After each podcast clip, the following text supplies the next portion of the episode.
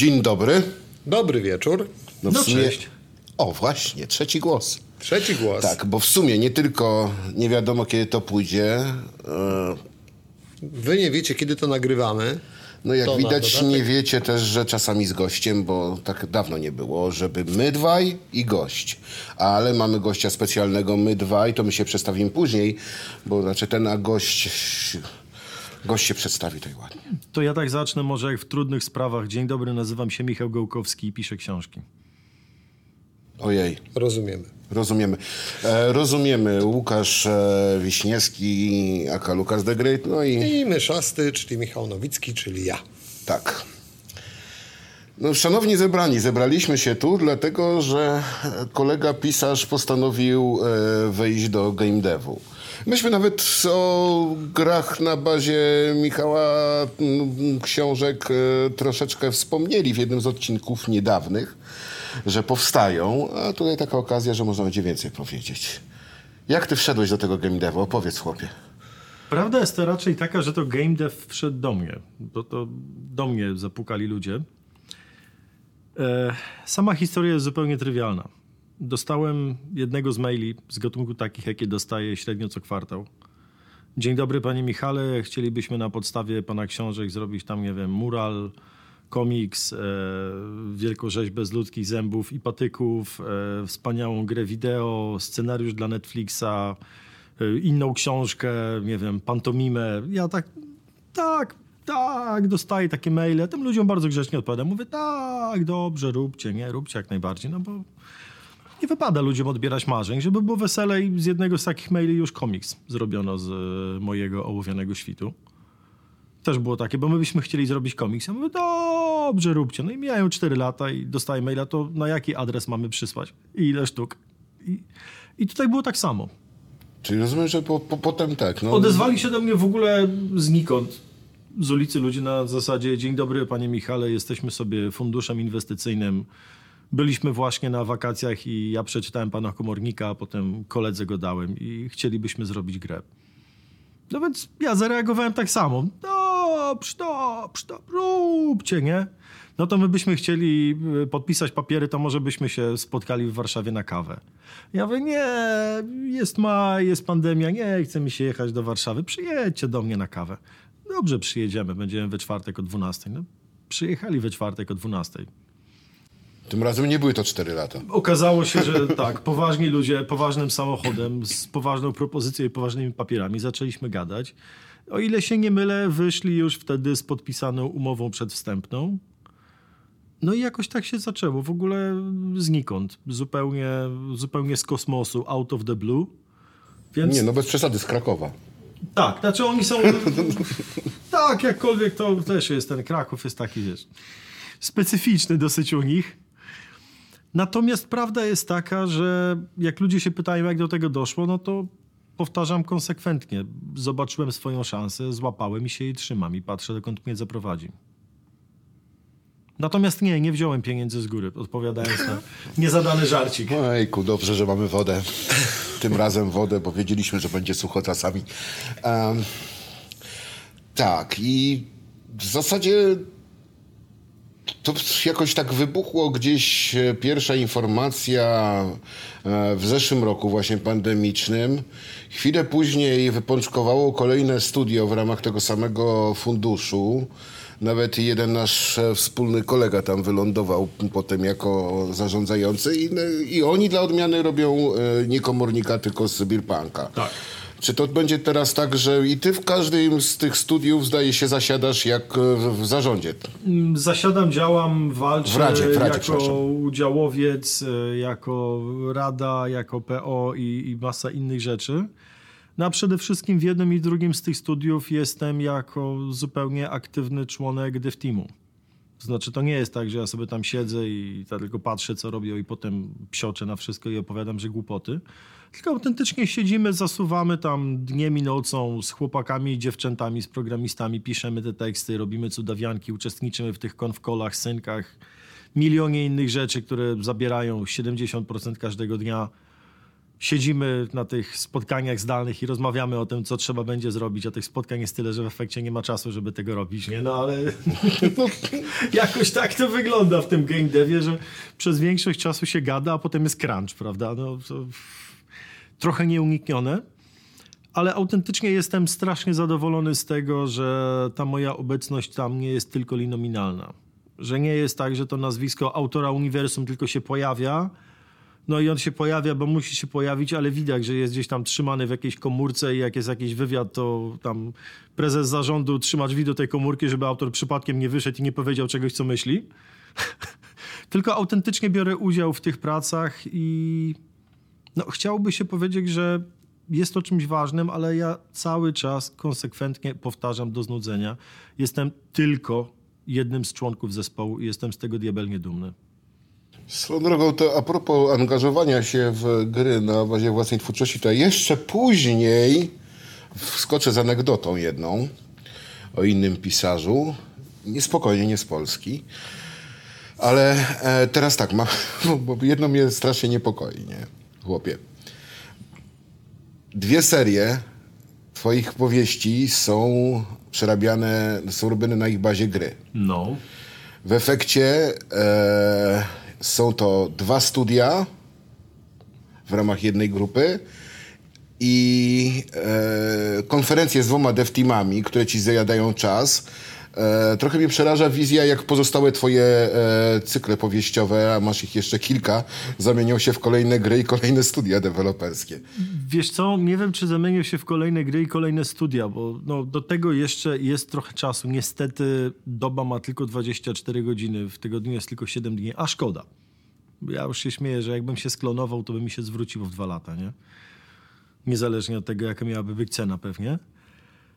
Prawda jest taka, że w tej chwili mamy te dwa studia i ja na razie mówię dość. Nie rozpędzajmy się, nie róbmy z tego bańki, nie przegrzejmy systemu. No przede wszystkim nie zaeksploatujmy tego autora. No bo łatwo byłoby mnie podsypywać nawozem przez dwa lata, zebrać trzykrotny plon, a potem gdzieś tam, kurczę, odstawić odłogiem, jak Chińczycy na Syberii robią z polami, prawda? Na razie mamy te dwa, na razie wzięliśmy się za komorynka i Sybirpanka i faktycznie już to jest dosyć wymiernym obciążeniem dla mojego i tak absurdalnie napiętego planu.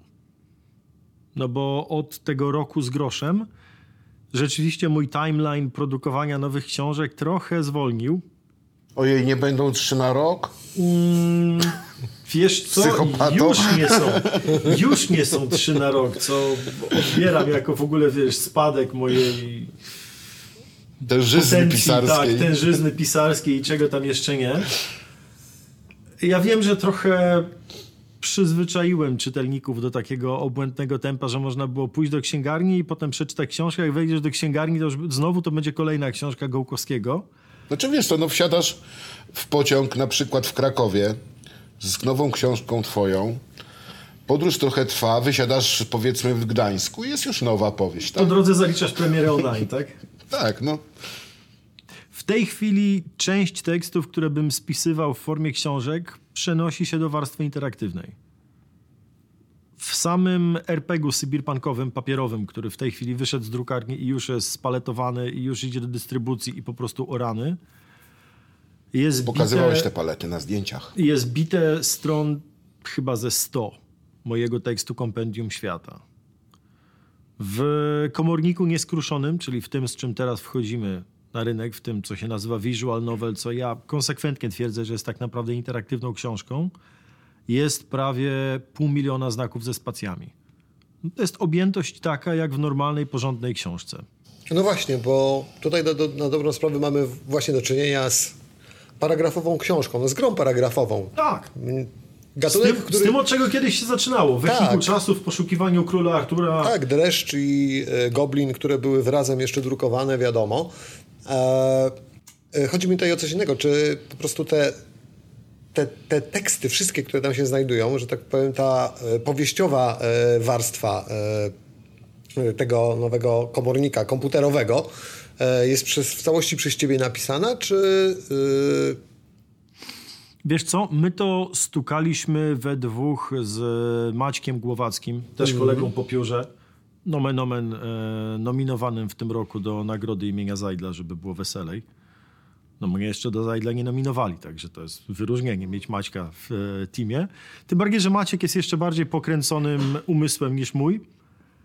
Jest absolutnie cudownym Aspergerem, który pamięta wszystko, co ktokolwiek kiedykolwiek powiedział i potrafi zacytować, po prostu rzucić z pamięci, gdzie się pojawił jakiś fragment i gdzie to było i co to było, więc jest to rzecz bajeczna, bo to jest tak, jakbyś miał sztywne łącze podłączone do Wikipedii tej gry, nie? Więc myśmy to pisali we dwóch. Faktycznie wyglądało tak zazwyczaj, że on wrzucał pomysły, narzucał szkielet, a ja to gdzieś tam cyzelowałem, ubierałem, dorabiałem green stuffem i wrzucałem na to podkład. Natomiast można śmiało pójść, śmiało powiedzieć, że przez moje, czy też w zasadzie przez nasze dwie pary łapek przeszedł każdy z tego pół miliona znaków, y, które są wstukane w komornika nieskruszonego. Więc tak, to nie jest produkt na licencji, to nie jest produkt, w którym ja uczestniczyłem. To jest w zasadzie produkt, można powiedzieć, stworzony od początku do końca w mojej świadomości i przy moim udziale. I przy pomocy całkiem niezłych e, grafików. Tak, oczywiście. To... I cholernie dobrego kompozytora. Nawiązuję do tego, co powiedziałem na samym początku. Ja jestem dumny z tego, że jestem wyłącznie częścią zespołu. Fajnie by było mówić, że nie wiem, że ja zrobiłem, ja wymyśliłem, ja napisałem, ja skomponowałem, ja zaprojektowałem, ja, ja, ja, ale mam No nadzieję, nie każdy że... jest carpenterem. Mam, mam poza tym nadzieję, że zauważyliście, że ja bardzo mocno tego unikam, a jeżeli się zapędzę, to od razu robię to kawę jad, że, że robiliśmy to we dwóch, że, że przy moim udziale. Absolutnie zespół tutaj był rzeczą kluczową. No i to było podstawowym założeniem, z którym ruszaliśmy do stworzenia Nieskruszonego, czyli tej pierwszej gry w świecie komornika. To jest dla nas projekt rozgrzewkowy. To nie jest nasza perła w koronie. To nie jest coś, gdzie my przychodzimy i mówimy, haha, zobaczcie, jakie potrafimy robić akrobacje. Nie, to jest tak, jakbyśmy poszli na siłownię i nagrali sobie filmik na rozgrzewce. I ten filmik z rozgrzewki wrzucili na Instagrama, bo to jest rozgrzewka. To nie jest ten komornik, który już otwiera oczy niedowiarką, ale na pewno zwraca ich uwagę. Tak, tak, dokładnie tak. Zespół rzeczywiście jest fantastyczny. Kiedy widziałem pierwsze grafiki, które powstawały kawał czasu temu, jeszcze te pół roku temu, to miałem takie o ja, ale fajne. Bo moim pierwszym założeniem i moim warunkiem sine qua non było coś, wydaje mi się, dość niespotykanego wśród twórców uniwersów. Ja powiedziałem krótko. Ja nie chcę gry takiej, jak napisałem świat. Mnie nie interesuje odwzorowanie literalnie co do joty tego, co ja widziałem i napisałem w książkach. Ja nie chcę tej samej opowieści. Z jednego prostego powodu. To, co widziałem w głowie, już widziałem. Choćbym się chińskim pudrem zrąbał, nikt tego, co widziałem w swojej głowie, nie przedstawi tak, jak to widziałem. Więc w ogóle nie ma sensu próbować. Ja powiedziałem, kurczę, ja chcę coś innego. To nie jest już mój świat, to jest nasz świat. Tworzymy go wspólnie. Nie ma czegoś takiego, że wy do mnie przychodzicie i się pytacie, Michał, czy to jest kanoniczne? A ja mówię tak albo nie. Przychodzicie do mnie z rysunkiem, pokazujecie to, a ja mówię, o fajnie, od dzisiaj to jest kanon. Ten zespół jest w tej chwili współtwórcą uniwersum. I podkreślam to na każdym kroku. Pomysły, które powstają na naszych spotkaniach, są na bieżąco przeze mnie wrzucane do książek, które dopiero spisuję. Więc to jest sprzężenie zwrotne. Co do kompozytora, czyli do Patryka Sceliny, tak. Tak. Wczoraj soundtrack do Nieskruszonego wszedł na YouTube'a. Nie wiem, czy mieliście przyjemność tego No posłuchać. właśnie dlatego poruszam temat, że to jest, bardzo złoto. dobre. Jakie to jest absolutne złoto. Tutaj jest taki tip dla słuchaczy, będą już mogli wypośrodkować, kiedy to jest nagrywane. No niestety. Ale w każdym razie, tak, no, a w ogóle jak to było? W, bo wyście Patryka Scelinę wciągnęli do ekipy w sierpniu. Czy to ty go wykopałeś, czy ktoś z game devu taki talent? To już są nasi, e, nasi ludzie z game devu, to już jest nasza ekipa, która działa w tych dwóch spółkach. Czyli z jednej strony mamy tutaj Marcina Janiszewskiego, który prezesuje w Silent Studio. Z drugiej strony mamy Tatka Zielińskiego, skądinąd znanego. Z No mówiłem, że nasz kolega tak, jest tym drugim. Który siedzi u nas jako dyrektor do spraw gier, z Placu Czerwonym. gier z prądem, very aptly named, w e, Red Square Games. No i mamy też Krzysztofa Wolickiego, który z kolei jest od planszówek, czyli od tej bardziej, że tak powiem, namacalnej części gier, czy też game devu planszówkowego. I to już, są, to już jest ich robota, to już są ich znajomości, to już jest ich kopanie. Ja sam nawet nie wiedziałbym, jak się zabrać do znajdowania tak fantastycznych ludzi, jak ci, z którymi w tej chwili pracujemy. Więc tutaj to już jest stricte zasługa naszych zasobów ludzkich. A żeby było weselej, zarówno e, Marcina Janiszewskiego, jak i Tatka Zielińskiego znam przez e, Marcina Zachorowicza, który z kolei jest naszym dyrektorem do spraw gier bez prądu w Red Square Games i e, współakcjonariuszem w spółce i w ogóle człowiekiem, który rzucił hasło, żeby pójść też w kierunku Sybirpanka. Także to wszystko I w sumie starym fandomitą. i starym fandomitą, więc to wszystko idzie absolutnie na tej linii, która jest całkowicie niezrozumiała dla świata zachodniego, która jest całkowitym przeciwieństwem tak zwanego modelu szwedzkiego, że przychodzą do ciebie dwie osoby do pracy i mają takie same CV, no i jednej z nich nie znasz, a drugą z nich znasz, to wtedy zatrudniasz tę osobę, którą nie znasz, żebyś nie był posądzony o nepotyzm. Ja absolutnie w taki system nie wierzę. Jeżeli mam dwie osoby takie same, zawsze, zawsze wolę tę, którą znam, bo po prostu tę osobę znam, a osoba, no jak to ładnie mawia mój ojciec, jak się z kimś człowiek napije, to potem się trudnie na niego patrzy przez celownik optyczny, nie? No tak. Głęboko w to wierzę. Z drugiej strony istnieje ryzyko, że jak kogoś znasz i lubisz, a trochę z nim powspółpracujesz i wyjdą przy okazji współpracy cechy, o których nie wiedziałeś, to stracisz kumpla. Jest to ryzyko, tak. Jest to ryzyko, trzeba się z tym liczyć, ale to jest coś, w co wchodzimy no już jakby zupełnie otwarcie, no bo jeżeli okazuje się nagle, że dowiadujesz się o człowieku czegoś, czego nie wiedziałeś wcześniej, no to, to nawet nie jest cena doświadczenia, to jest zysk. Prawda? Że wydawało ci się jedno, a nagle okazuje się co innego. No tak, rzeczywiście mogą pojawić się pewne zgrzyty i napięcia, bo pojawiają się siłą rzeczy, bo to już nie jest tak, że siedzimy sobie przy butelce czegoś sympatycznego i gadamy, jak to fajnie byłoby zrobić grę.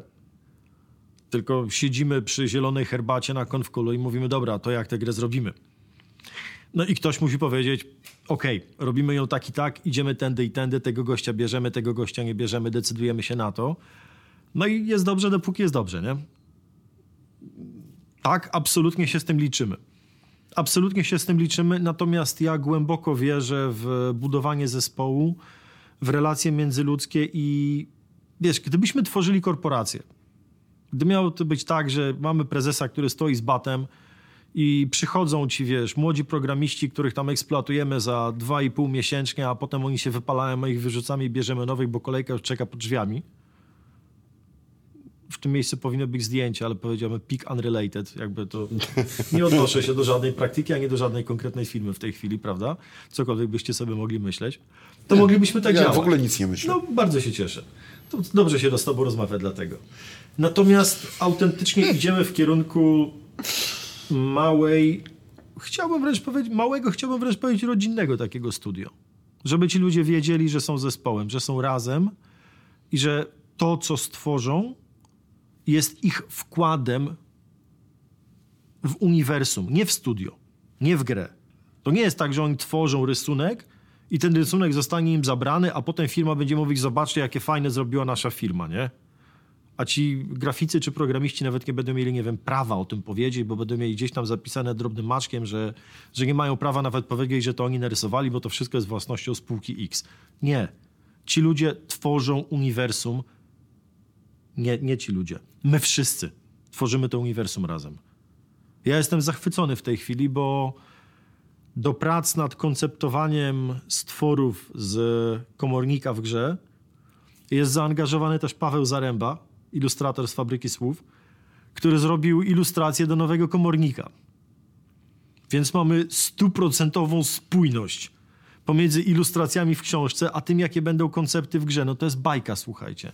Znaczy muszę powiedzieć, że jasne, każdy jak opowiada o swoim projekcie, mówi różne ładne słowa, ale tutaj muszę jedno tobie przyznać, że jest całkiem nieźle uwiarygodnione to, co powiedziałeś, bo to właśnie Patryk Scelina sam u siebie wrzucił tą muzykę, a dopiero e, studio i ty przekazywaliście informacje o tym, że on to udostępnił. Więc tak, oficjalnie ani na moment jego, jego nazwisko nie zniknęło i to wszystko leci z jego profilu. Bardzo mocno tego pilnujemy właśnie, żeby było widać tych ludzi, którzy to dla nas tworzą, no bo, bo to są oni. To nie jest tak, że mamy podwykonawcę, że mamy, wiesz, jedno kółeczko zębate w machinie, które wypluwa grafiki czy muzykę i potem to kółeczko się psuje i wsadzamy na jego miejsce dokładnie takie samo. Nie. Absolutnie coś takiego nie wchodzi w rachubę. Ja głęboko wierzę w to, że ci ludzie są, tak jak mówiłem, współtwórcami uniwersum. Nie wyobrażam sobie tego inaczej. Dla mnie ilustracje są równoważną częścią co tekst. Muzyka jest tak samo istotna jak fabuła. W ogóle siedziałem wczoraj wieczorem, uświadomiłem sobie, że pierwsza muzyka, jaka kiedykolwiek mnie zafascynowała w życiu, czyli obrazki z wystawy Modesta Mussorgskiego. Jedno, jedno, wykona- jedno jedyne wykonanie, którego jestem w stanie słuchać. Orkiestra Symfoniczna Montrealu pod batutą Charlesa Dutoit, 1984 rok. Żadne inne wykonanie Mussorgskiego do mnie nie przemawia, to jest moje ukochane. Nie, nie jestem audiofilem, ale w tym przypadku jestem po prostu audionazi. Jest jedno w wykonanie dla mnie. I żeby było śmieszniej, uświadomiłem sobie, że obrazki z wystawy Modesta Mussorgskiego są soundtrackiem.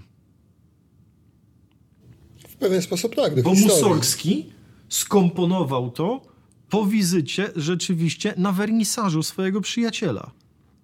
On zrobił ścieżkę dźwiękową do obrazów w XIX wieku. Więc historia bardzo fajnie zatacza koło i to, że w tej chwili do moich obrazów też jest ścieżka dźwiękowa, kurczę, diabelnie satysfakcjonujące. No tyle wam tylko mogę powiedzieć. To naprawdę, naprawdę pozwala człowiekowi uwierzyć, że nie wszystek umrę i że, że ma to sens, co się robi.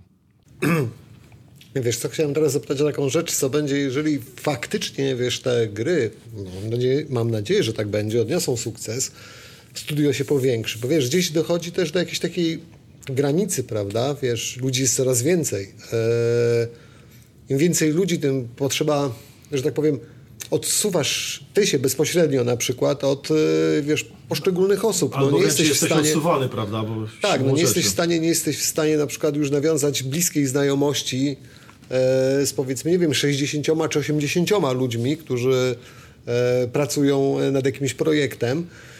No na pewno nie taki jak w przypadku, kiedy tych osób jest ile w tej chwili tam e, przy 20? komorniku? Dwa- 20. No 20 tak, no to jest ekipa, którą faktycznie da się ogarnąć. Jesteś w stanie znać każdego. No, zakumplować się nawet z tymi ludźmi. Niekoniecznie oczywiście ze wszystkimi musisz, ale, ale jest to możliwe.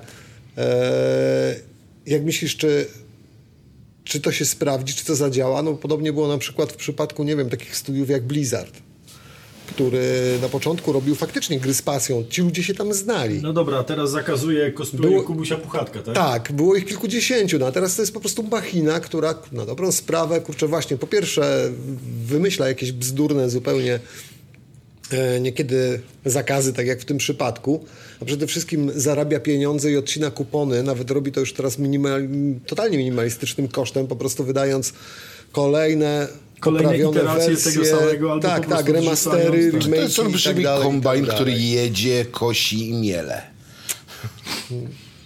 Miele niestety też, jak się okazało, bardzo Nie boisz skutecznie się, że, wiesz, tekst- Swoich własnych fanów takich Tak, nie boisz się, że kiedyś to może dojść do takiej właśnie sytuacji?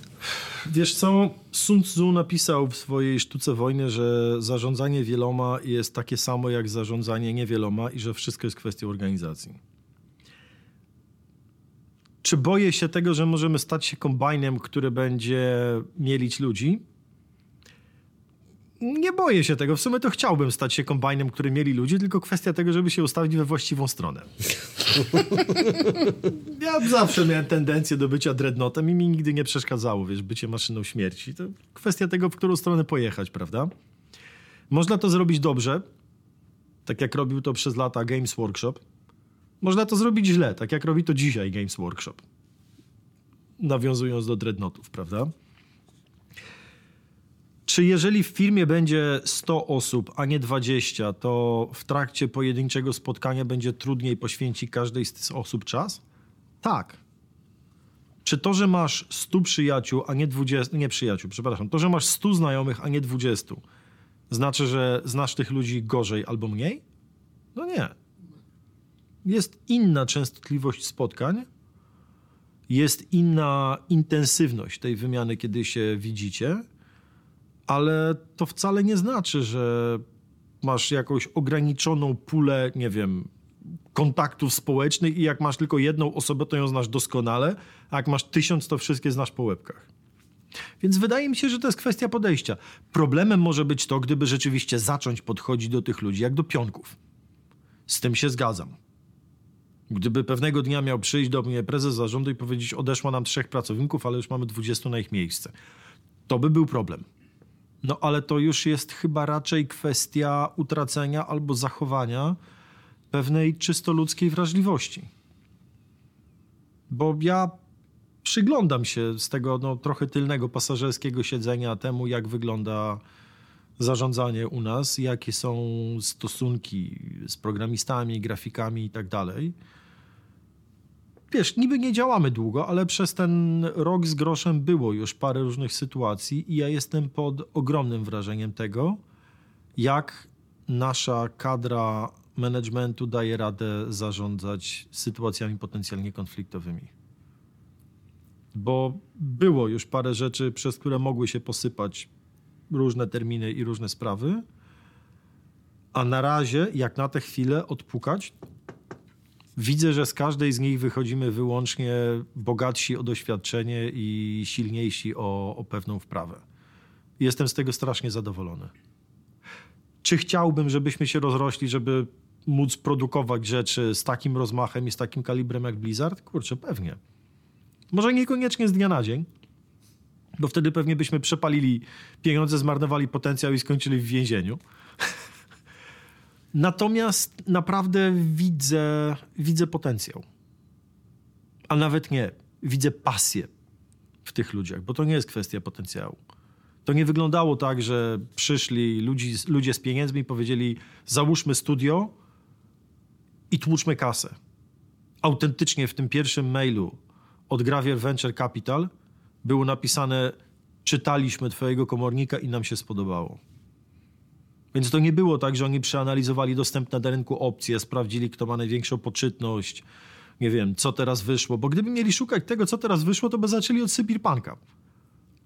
Ja im próbowałem Sybirpanka na samym początku jeszcze wcisnąć i mówią, nie, nie, nie, bo to coś tam, coś tam, bo nam się komornik spodobał. I to jest bardzo fajny papierek lakmusowy. I wszyscy, którzy przychodzą po kolei, wszyscy, którzy są w studio, zarówno do komornika, jak i do Sybirpanka, przy czym jeśli idzie o moc obalającą, muszę wam powiedzieć, że Sybirpunk jako marka jest o wiele bardziej chwytliwy i o wiele bardziej łapie ludzi, bo to jest instant. Rzucasz komuś hasło Sybirpunk i każdy to widzi. Tego dresa z wszczepami kucającego. No wiesz, jeszcze ty jesteś wiarygodny, kiedy to opisujesz. W sumie kawał dzieci, no nie kawał, ale kawałek dzieciństwa gdzieś na Białorusi, bo, bo z rodziny dyplomatów tak. wschodnich właśnie z tamtych krajów, więc ty to tak naprawdę przez ja osmozę chłonąłeś. Tak. tak. Natomiast ja widzę pasję w tych ludziach, którzy wchodzą w projekt. Kiedy patrzę na te grafiki, kiedy słucham tej muzyki Patryka Sceliny, widać, że to nie jest wymęczone, że to nie jest wypchnięty na siłę z krwiokałem, że to nie jest tak, a tam kazali mi zrobić, to ja to zrobiłem. To nawet sam Patryk mówił, że on robił takie założenie, że te ścieżki miały mieć po półtorej, po dwie minuty. No, a się a trafia potem, na przykład A potem siedzi i się okazuje, że jest sześć. Albo osiem, bo mu się ładnie układało i fajnie płynęło. I to jest cudowne. Bo widać, że ludzi to kręci i że oni zaczynają w to wkładać serce. Ja też mam ten komfort, że nie jestem, a w każdym razie nie uważam się za wyrobnika. Ja nie muszę pisać książek, żeby mieć z czego żyć one nie muszą się sprzedawać, żebym był w stanie spłacić kredyt. Ja cały czas powtarzam, że dla mnie książki Jakkolwiek teraz coraz bardziej dryfuje to w kierunku rzeczywiście zajęcia, ale to jest hobby. To jest fantastyczne, radosne zajęcie. To jest to, czym dla mnie zawsze były RPG. To jest to, czym dla mnie zawsze było malowanie figurek, granie na komputerze i tak dalej. To jest coś, co mi sprawia przyjemność. I wydaje mi się, że tego samego trzymamy się w jednym i drugim studio. I w Red Square Games, i w Silent Studio. Że i tu, i tam są ludzie, którzy robią to po prostu dla fanu. Ja to widzę. Ja to widzę, jak oni pokazują, jak oddajemy kolejne milestone, jak są sprinty, jak mamy synki, jak pokazują, co dali radę ugrać. Widzę satysfakcję na twarzach tych ludzi. Że oni autentycznie pokazują na zasadzie, zobaczcie, jakie fajne mi się udało zrobić. A tu zrobimy to, a tu zrobimy tu, a tu zrobimy tak, a to wykorzystamy do tego, a tu można będzie tak. Więc to jest cudowne. Nie jesteśmy ekipą wyrobników, i jakkolwiek ludzie są tam pozatrudniani, tak, jakkolwiek to jest ich praca, tak, to mam nadzieję, że robią to na równi, żeby mieć co do garnka włożyć i dla fanów, którzy z tego czerpią. Chłopie, ja mam dla ciebie jedną smutną wiadomość. Ja mam wrażenie, że ty przegapiłeś tę stację, na której wsiadłeś już do e, pociągu, który się nazywa, że tak, to już jest twój zawód główny. E, mam wrażenie, że jakbyś teraz usiadł i policzył e, zarówno swoje zawodowe, symultaniczne tłumaczenia, do rok pandemiczny nie pomógł. E, Oj, zdziwiłbyś się. No, czy niby w sumie... Oj, zdziwiłbyś się. Nie pomógł o tyle, że jest mniej eventów i rzeczywiście trochę klapnęło w pewnej chwili, ale duża część film się błyskawicznie przerzuciła na zdalne. No nie, to to wierzę akurat. Dzięki czemu przecież... ja mam ogromną kompresję czasu, ponieważ siedząc w domu Mogę mieć roboty pozapinane na styk. Nie ma czasu do jazdu. A. A. Ej. Jest Ale wciąż uważam, że, że w tym momencie to już e, przegapiłeś moment, kiedy to się stało głównym, bo chłopie, e, nie wiem jak twój dzień wygląda właśnie. Powiedz mi, jak dzień e, Michała Gołkowskiego wygląda. Pobudka 6.15, o za 5-7 jestem na siłowni, półtorej godziny treningu to trzy razy w tygodniu. E, powrót, lekkie śniadanko, takie nie za ciężkie, bo i tak co zjesz po treningu, to zaraz ci się przepali na energię. Prysznic slash wanna, śniadanko docelowe, bierzemy się do roboty, czyli koło dziewiątej już siedzę na robocie i zasuwam. I tak mniej więcej do siódmej, ósmej wieczorem z jakąś tam przerwą na obiad i potem wieczorkiem kolacja, wieczorkiem sobie odpocząć, pomalować trochę, poczytać, spacer. To jest generalnie brak pustych przebiegów, jeśli o to pytasz. Ja od września, kiedy zaczęliśmy doszlifowywanie nieskruszonego, miałem do dzisiaj jeden dzień wolny. Jesteś potworem. Jeszcze nie i mam nadzieję się nim nie stać, szczerze mówiąc. Nie no, ja, no, gdzieś jeszcze czas dla rodziny istnieje. Ja nie? dużo robię, słuchaj, ja naprawdę dużo robię, dużo pracuję i jestem tego świadom. Mam nadzieję, że jeśli faktycznie przegapiłem ten moment, kiedy wsiadłem do tego pociągu, to że się jeszcze długie lata nie zorientuję. Znaczy raczej nie, nie przegapiłeś moment, kiedy się wysiada na stacji, ale tak, bo, bo kiedy zacznę, Jeżeli zacznę uważać to, co robię w tej chwili, to znaczy książki, to znaczy gry, za swój zawód i źródło utrzymania, to będzie znaczyło, że myślę o tym, żeby to się sprzedawało. Jeżeli zacznę myśleć o tym, żeby to się sprzedawało, to zacznę myśleć o tym, co ludzie chcą kupić. Jeśli zacznę o tym co, myśleć, co ludzie chcą kupić, to stracę kontakt z tym, co chcę robić i wtedy zacznę popełniać głupie błędy. No niby ty umysłem, który nieco inaczej pracuje, mm, obrabia dane niż na przykład mój, ale y, przenosząc się z branży IT do dziennikarstwa giereczkowego, po kilkunastu latach e, nie przestałem e, traktować tego równolegle jako zabawę, więc... No więc widzisz, no. Ale znam ludzi, którzy się wypalili i przestali lubić grać w gry. Zaczęli robić to w sposób bardzo zautomatyzowany, bez czerpania z tego przyjemności, więc... A jeżeli ty mówisz, że u ciebie się odpali jeszcze podzespoły analityczne, No to rzeczywiście może Wiesz, lepiej... ja cały czas, mój pierwszy duży kontakt z e, e-sportem i z grami to był, to było chyba WCG Samsunga w 2010 albo 2011 roku, nie pamiętam. Expo 21 Warszawa. Kiedy nasi z Virtusów zmasakrowali Ukraińców w Counter-Strike'u. Ja pamiętam ten wywiad z Tazem, który się ukazał tam 2 czy 3 lata temu, kiedy on mówił, że to był ten ostatni moment, kiedy zaczęli, kiedy przestali traktować to jako zabawę, a zaczęli traktować to jako pracę i to doprowadziło do rozpadu tamtej ekipy Virtusów. I to jest dokładnie to. Jeżeli będę na to patrzył jako na coś, co robię bez fanu, na zimno, w kalkulacji, to rzeczywiście stanie się to zawodem. Czy to źle, że stanie się to zawodem? No może i nie, ale jeżeli może być hobby, to może lepiej, żeby było hobby, nie? Bo jednak Czy boisz się przede wszystkim tego, że stracisz szczerość i autentyczność w tym, co robisz? I Ja to kurczę do, rozumiem. dopóki, wydaje mi się, że dopóki się tego boję, to, To znaczy, zagrożenie że- jest to znaczy, nieistotne. To znaczy, tak. że to się jeszcze nie stało, tak. Kiedy przestanę o tym myśleć, no to będzie znaczyło, że jest źle. Ale zarazem przestanie ci to przeszkadzać. Prawdopodobnie tak, no to tak wygląda znieczulica, prawda?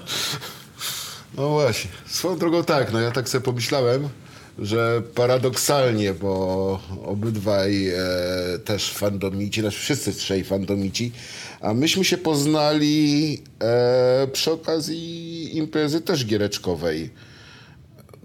Nie pamiętam nawet jaką grę dokładnie chodziło, na pewno jakąś snajperską w Buddha Play, także kiedy normalnie dłużej pogadaliśmy. To mógł być Sniper Elite. Prawdopodobnie Sniper Elite, no.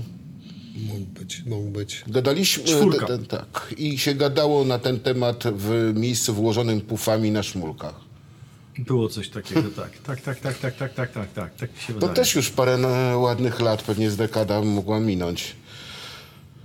No, mógłbym sprawdzić, no, kiedy wyszedł light. Stawiałbym, że co najmniej 7-8 lat. No, no to ty nie miałeś jeszcze wtedy zbyt wielu. Na pewno to było jeszcze przed komornikiem, oczywiście. No tak, ty byłeś głównie wtedy autorem znanym z To pisania bo stalkerów. tak, to, był, to, to musiał być 14-15 rok, tak. Stalker plus tłumaczenia. Jakoś, jakoś tak Książek to wyglądało, tak. no. No tak, ja zaraz zobaczę, spokojnie chłopaki, kiedy wyszła czwórka. Ja tutaj mam narzędzia. E, tu, tu, tu, tu, tu, tu, tu. To może nawet nie była jeszcze czwórka. Może to nie była czwórka, O, Boże. Dobra. E, ale się jesteśmy Zmieniając. Obaś, temat, obaś. słuchaj, tak, starze. E, zmieniając, na przykład wy tu jesteś młodszy od nas, spokojnie. E, zmieniając temat, e, powiedziałbym tak, e, właśnie, mm, to znowu takie pozycjonowanie w czasie. Wkrótce się ukaże e, mm, nowy komornik, arena grzeszników, dłużników, tak? Dłużników. dłużników. E, jak, znam, jak znam ciebie, pisałeś to też całkiem niedawno i to jak to było? Bo komornika całego cyklu, e, pierwszy krzyżyk, drugi krzyżyk i trzeci krzyżyk postawiłeś w ciągu dwóch lat. Tak. E, I minęło trochę i tak mam wrażenie, że gdyby e, chłopaki z Selen Studio się do ciebie nie odezwali w sprawie komornika, to być może tak nie byłoby tej areny. Historia była zupełnie inna. Jest godzina za 28. Jadę sobie samochodem. Już nie pamiętam dokąd. Gdzieś jechałem w jakąś dalszą trasę. Dzwoni telefon. Dzwoni do mnie Marcin Zachorowicz. Ksywa Skoczek. No cześć Skoczek. No cześć Misiek. Co tam? A no coś tam, coś tam, coś tam. Bo wiesz Misiek, bo... Bo ja w nocy myślałem. Ja mówię, Skoczek, w nocy to się śpi. On mówi, nie, nie, nie, ja w nocy myślałem, bo ja tak mam, że ja śpię, a mój mózg wtedy działa i obrabia ten. Bo ja myślałem o apokryfach do Starego Testamentu. Ja mówię, co? Poczekaj, mówi, daj mi skończyć. Bo ja myślałem o apokryfach do Starego Testamentu. Ja myślałem o tym twoim komorniku. I ja myślę, że ty mógłbyś to pociągnąć dalej. Ja mówię, skoczek, poczekaj, jakby... Czy ty w ogóle czytałeś komornika? Bo chyba nie. On mówi, nie, nie czytałem, ale to nie ma znaczenia. Okej. Zaczęliśmy gadać. I on mi w 25 minut wyłożył jakąś totalnie taką cryptic theory. Coś takiego na zasadzie QAnon po prostu w klimacie Biblii. na temat tego, co dzieje się w księdze Henocha i co tam jest napisane, jak wyglądała druga wojna w niebie i coś tam, coś tam, coś tam. Ja tego słucham. Brzmi jakby skoczek po prostu nie mógł zasnąć, bo miał głowę w dole. Tak. Ja go tak słucham i mówię, kurna, skoczek, właśnie mi wymyśliłeś kolejny tam komornika. On mówi, co? Ja mówię, właśnie mi wymyśliłeś kolejny tam komornika, a ja mam na niego pierwsze zdanie. Pomagałem właśnie pierwszej rybie trzonopłetwej wyjść na brzeg, kiedy ktoś zapukał do moich drzwi. A ja mam coś takiego, że jeżeli złapię pierwsze zdanie książki, to ta książka już idzie dalej. Na tej samej zasadzie u mnie zaczął się ołowiany świt. On się zaczął od jednego zdania. Otto zaczął się od jednej sceny. Sztywny zaczął się od jednego zdania. Leżę sobie i krwawię. Konkretnie leżę sobie na dnie studzienki kanalizacyjnej i krwawię z rany postrzałowej w brzuch. W momencie, w którym ja mam jedno zdanie, to słyszę, jak do drzwi zaczynają skrobać kolejne, które się już ustawiają w kolejkę. I tak samo poszło z komornikiem. Zdanie otwarcia jest bardzo ważne, bo również dla czytelnika, bo to akurat u ciebie bardzo dobrze wychodzi, to trzeba ci bardzo pochwalić. Eee, to jest takie kryterium, po którym bardzo wiele osób łapie książkę na półce w księgarni. E, dobra, to takie czasy, kiedy jeszcze były księgarnie. Ale w każdym razie łapie pierwsze zdanie właśnie, czy pierwszą stronę, ale jak to pierwsze zdanie nie zaskoczy, nie zażre, to idzie szuka następnej Tak, ale rzeczy. to tak działa ze wszystkim. Masz to samo z filmami, masz to samo z książkami. Kurde, masz z pizzą to samo. No nie, no w sumie jak Nie, już zapłaciłeś za pizzę, to nie wyrzucisz. Ja wiem, ale chodzi mi o to, czy ona będzie dobra, czy będzie zła. Pierwszy kęs tak naprawdę definiuje to, czy będzie ci smakować do końca, czy będzie ci nie smakować do końca. Ja wiem, że pizza i seks to generalnie nawet jak jest zła, to i tak jest dobra. Znam tę teorię, tak? To nawet nie jest teoria, tylko praktyka. Natomiast trochę tak to wygląda z degustacją różnych rzeczy, z jakimś tam próbowaniem i tak dalej. Jeżeli pierwsza rzecz zrobi Benz, to jesteś kupiony. Tak samo to wygląda z filmami. Popatrz na, nie wiem, Quentina Tarantino. Zobacz, jak on zaczyna filmy. Bach, zaczynamy od dużej sceny potem idziemy sobie gdzieś tam w retrospekcję, pokazujemy, co się stało. Zobacz, jak się zaczyna Fight Stara Club. dobra zasada Hitchcocka. Zaczynamy od Tak. trzęsienia Zobacz, jak się zaczyna Fight dalej. Club. Ujęcie wyjeżdżające z nadlufy pistoletu w ustach Tylera Derdena. Znaczy w zasadzie narratora, prawda? I potem jedziemy. Wszystkie dobre filmy zaczynają się od czegoś charakterystycznego. Czasy, kiedy można było zacząć film, czy książkę, czy grę, tak jak zaczynał to Sienkiewicz, Ogniem i Mieczem. Zawsze o tym mówię, ale Ogniem i Mieczem ma najgorszy możliwy początek, jaki istnieje na świecie. Klangur żurawi niósł się echem ponad połacią dzikich pól zalanych tam szkarłatem zachodzącego słońca, grającego w toni Dniepru niczym coś tam, na, czy po prostu taki napieprzanie pięć stron opisem przyrody, w nadziei na to, że jak tej przyrody napiszesz odpowiednio dużo, to z tych zarośli może ci wyjdzie główny bohater i powie, ty chodź kurna, bo akcja jest tam dalej, nie? Z To drugiej jest klas... strony tam to też, wiesz, prawda czasu była taka, że trzeba było Ale ludziom nieprawda. opowiedzieć. O- Nieprawda. On Zobacz, się że- odwoływał do tego, zobacz, że żeby te spryki, które inaczej. kupowały gazety, no bo już miał, Zobacz, ale że potop zaczyna się inaczej, no. Przyjeżdża kurna najebany Olbryski, mówi, robi jeb czapką na glebę, mówi hej, a gdzie wasza panna? A potem zaczynają strzelać do obrazów przodków, jest generalnie totalny odlot.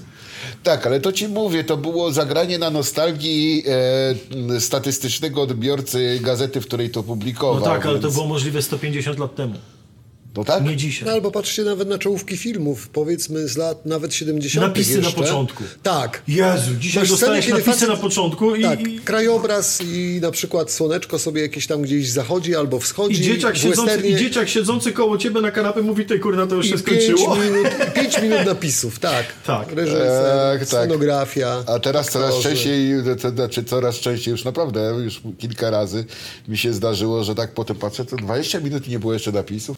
Zobaczcie, że w niektórych filmach nawet teraz nie Startowych. masz nazwy na początku. No, Nazwę wrzucasz na koniec. Żeby ludzie zapamiętali nazwę. Bardzo słusznie tak naprawdę. Tak się kończy moje ukochane braterstwo wilków. w którym nie ma nazwy na początku. Jest od razu tam w roku pańskim kawaler Gregoire de Fronzac przybył i tak dalej, i tak dalej. Jest Benz i zaczynasz od akcji.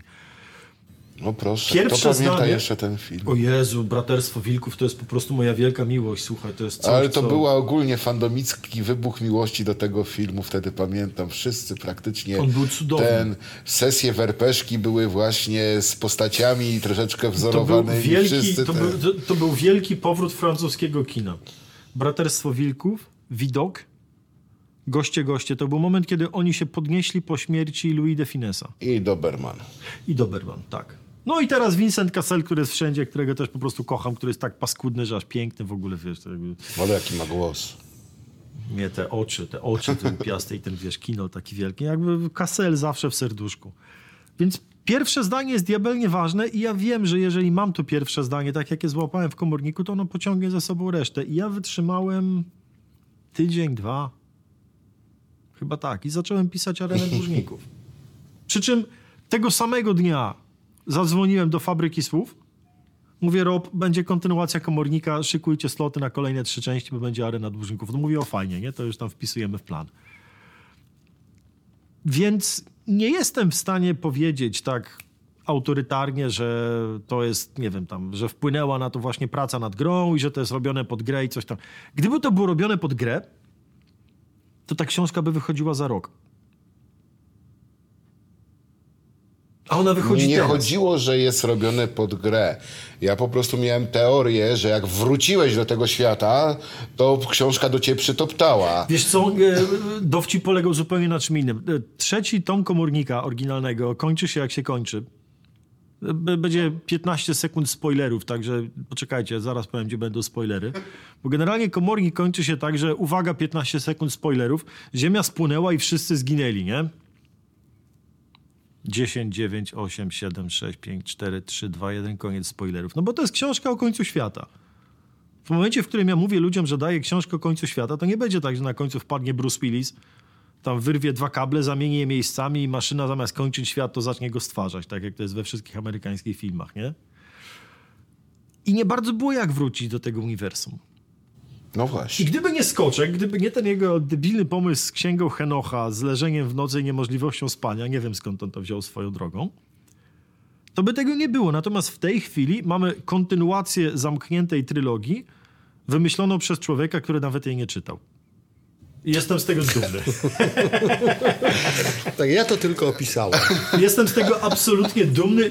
Wiesz, to jest coś, co trzeba powiedzieć otwarcie do mikrofonu, żeby ktoś ci tego nie wypomniał potem, nie?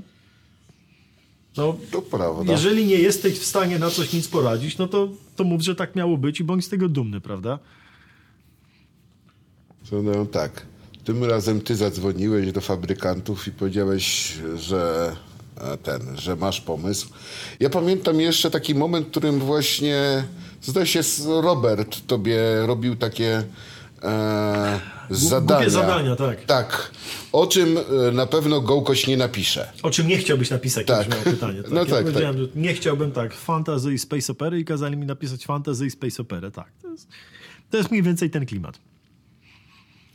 Tym razem już ty dyktujesz. Wiesz co, to nie jest to, że ja dyktuję. Oni mnie wtedy bardzo fajnie wyciągnęli. Nie, no oczywiście, Robert cię po prostu podpuszczał. Strefy. Nie, oni mnie wyciągnęli wtedy ze strefy komfortu, bo oni Z chcieli, zony. oni chcieli sprawdzić, czy ja nie jestem takim trochę Markiem Hamilem polskiej fantastyki. Mark Hamill? No tak. Wiem o co chodzi. Że No. po prostu będzie gościu, wszystko... który, gościu, który grał rolę, główną rolę w wielkim blockbusterze, Mark Hamill. I co się z nim stało potem? To przepadł. Tak. Kogo zagrał potem Mark Hamill? Okej, no mało kto wie, że zagrał chyba e, Riddlera w serialu Batmanie. No, tudzież Jokera. I Jokera. No, a potem, a potem, a potem zagrał robił. samego siebie w sequelu, nie? Tak. No i zagrał samego siebie u Kevina Smitha. Tak. I, I to jest tyle. Gościu powinien być gwiazdą, a okazało się, że każdy na niego patrzy, mówi o Luke Skywalker. I faceta ta rola, no nie powiem, że zabiła, ale strasznie go jednak przywiązała do siebie. Fabryka chciała sprawdzić, czy ja nie jestem tylko tym gościem od Stalkera. Jestem im za to bardzo wdzięczny, bo mocno nie wykluczam, że gdyby mi tego nie zrobili, to moje wyjście z tej strefy komfortu nie byłoby aż tak spektakularne. Kiedy się okazało, że potrafię napisać to, co mi się wydawało, że nie chcę napisać, to już jest potem takie podtrzymaj mi piwo i generalnie już zaczynam tymi książkami strzelać na lewo i prawo. Jak mi tylko pomysł wpadnie, to mówię, dobra, jedziemy, nie? No właśnie, tak z ciekawości chciałem zapytać, e, kiedy już właśnie z tej strefy komfortu wyszedłeś, ile w tym było na przykład pomysłów, które gdzieś ci kiedyś chodziły po głowie? E, nie wiem, coś zacząłeś może nawet dłubać sobie, odłożyłeś do szuflady i tak dalej, i tak dalej. Nagle się okazało, że można kurczę sobie do tego wró- wrzucić. A ile to były rzeczy, które po prostu przychodziły na bieżąco? To są wszystko rzeczy na bieżąco. Wszystko. Wszystko. Nie mam na tę chwilę ani jednego projektu, do którego bym wrócił. Mam dwa rozbabrane, czarno-białą, do której nie mogę wrócić ni cholery, która jest fantastycznym rozsadnikiem pomysłu, bo co do niej wrócę, to wpada mi coś lepszego. I mam mój pierwszy projekt Sig Transit Gloria Mundi, który zacząłem pisać jeszcze przed Stalkerami, który wysłałem do fabryki i też mi na niego nie odpowiedzieli. I ja kiedyś do tego wrócę. Ja to kiedyś napiszę w ogóle od zera, bo to kwalifikuje się, żeby to po prostu napisać od zera. Przerobię to i to wydam. Ale wszystko, co spływa w tej chwili, to są pomysły absolutnie bieżące i w żaden sposób niezaplanowane. Jakkolwiek da się dostrzec jakąś tam daleką korelację czasami. No nie wiem, jak zacząłem pisać błoto, to się nagle okazało, że wychodzi Battlefield 1. A ja miałem takie, o, ale fajnie. Nie, przepraszam, jak zacząłem pisać błoto, to akurat się okazało, że jest rocznica pierwszej wojny, a potem chyba jak pisałem Ottona, to się okazało, że wychodzi Battlefield 1, o, na tej zasadzie. E, tak, owszem, jest Cyberpunk, który gdzieś tam, no można powiedzieć, że wyszedł na fali cyberpunka, no ale każdy, kto miał do czynienia z cyberpunkiem 2077 i czytał cyberpunka, wie, że on nie jest na fali, bo on nie ma dokładnie nic wspólnego z oryginalnym cyberpunkiem. A ludziom, którzy się mnie pytają, na ile się Jak to nie ma nic wspólnego? Oczywiście, że ma. Punk. No, a również w tym... Ma wspólne tak zwane cztery No i w. Night City się pojawiają osoby, które mają rosyjskie nazwiska. No Wow. i co? No i co? I co, lewaku, tak? A? Znaczy, A? żeby nie było, żeby nie, Nie było to uniwersum, to właśnie cyberpunkowe, ono co prawda w grze jest już, y, że tak powiem, może nie tyle, no nie ugrzecznione, ono jest już bardziej poukładane, ten świat jest poukładany. On ale nie jest tak chaotyczny. tak, ale uniwersum cyberpunka Red, tego RPGowego, którego miałem okaz- z którym okazję miałem się zapoznać, którego akcja jest umiejscowiona mniej więcej około 40 tam chyba lat przed 2077 czy 30.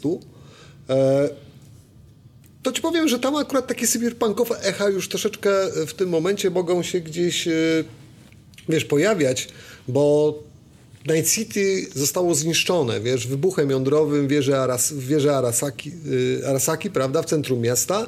Tam jest bardzo dużo pozdapo w ogóle w tym systemie. Tam, wiesz, wszczepy to jest brud, syf generalnie i tak dalej, bo to, co nie zostało zniszczone, to zostało przez korporacje wywiezione, zakopane, kurcze, najczęściej wywiezione po prostu.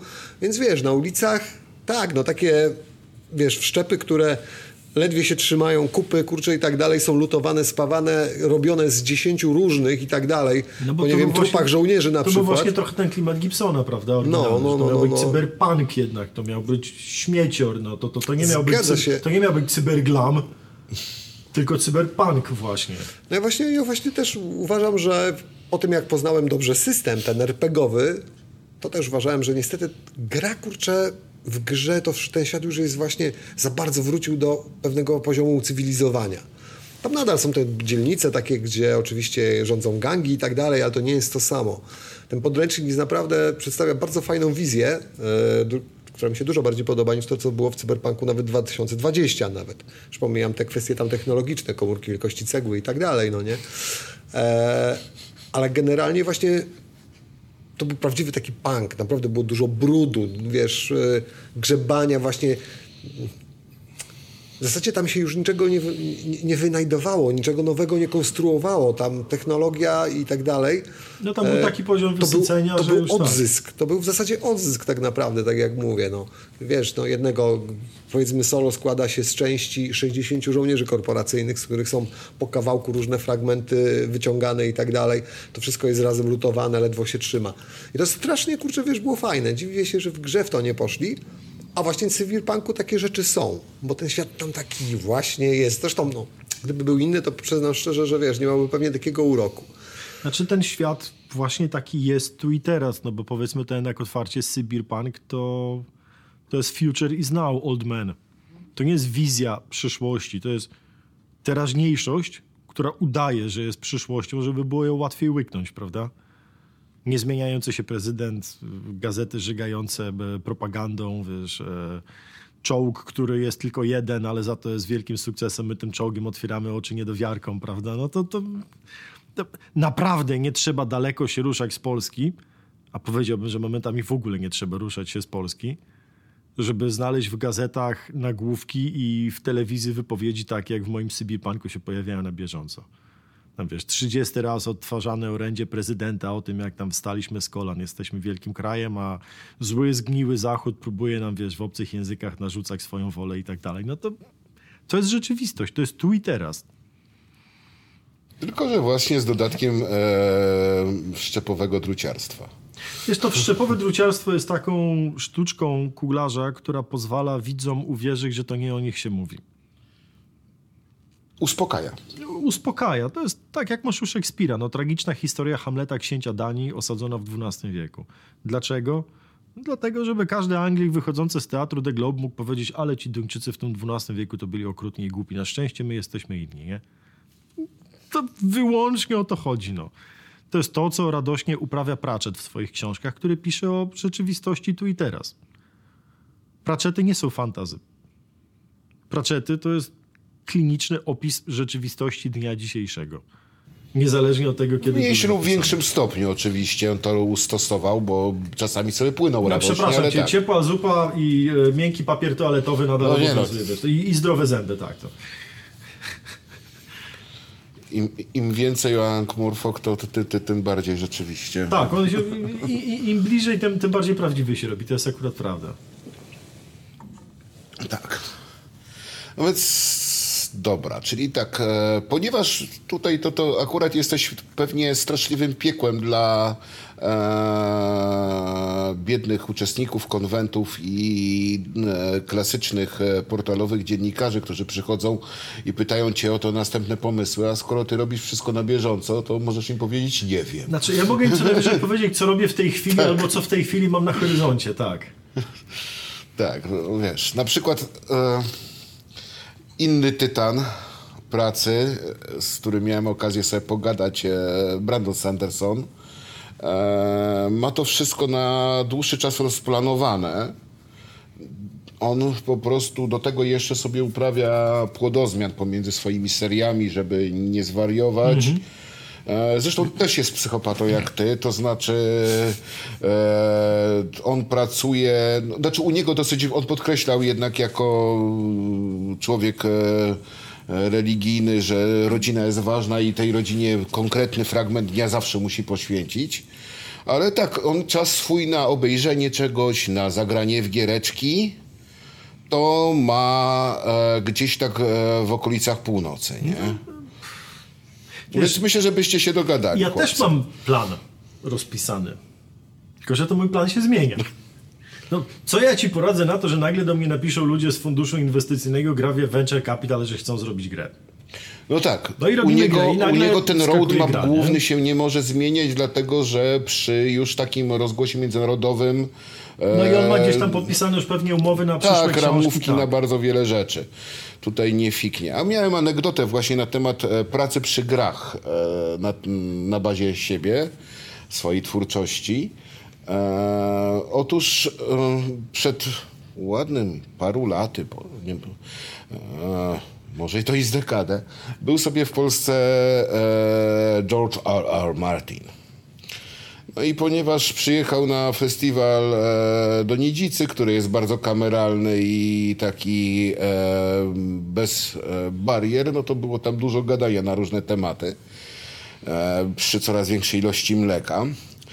I gadałem wtedy i z nim, i z jego asystentem. Ten asystent już trochę nie jest jego asystentem na pewno, bo jest połową e, Jamesa Korea, czyli jest jednym z dwóch autorów Expansa.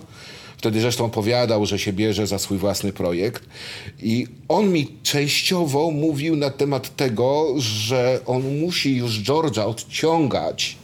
I George to jakby też potwierdzał, bo on mówił, że George sam mówił, że on przy tych grach zagląda, e, s- s- on sam tych studiów sobie nie wyszukiwał, one przyszły do niego, a raczej do jego asystenta, ale jak już zaczęli pracować, to e, jest kon- konieczna kontrola jakości, no i tak naprawdę więcej z coraz, znaczy coraz bardziej zmęczonego wieczorem Taja wyciągałem. I wyszło na to, że częścią powodu, dla którego tak długo George nie pisał, to nie tylko nie, nie, nie, nie, nie kończył e, całego cyklu głównego, tylko pra, praktycznie nic nie pisał, było Zajeździli to, go. że on się zajeździł, bo on chciał sprawdzać, czy cytaciki wrzucone na karciance są prawidłowe. E, przyglądać się dosłownie wszystkiemu w tym, a wtedy tak naprawdę to wszystko wybuchło. To na krótko przed jeszcze właśnie startem serialu.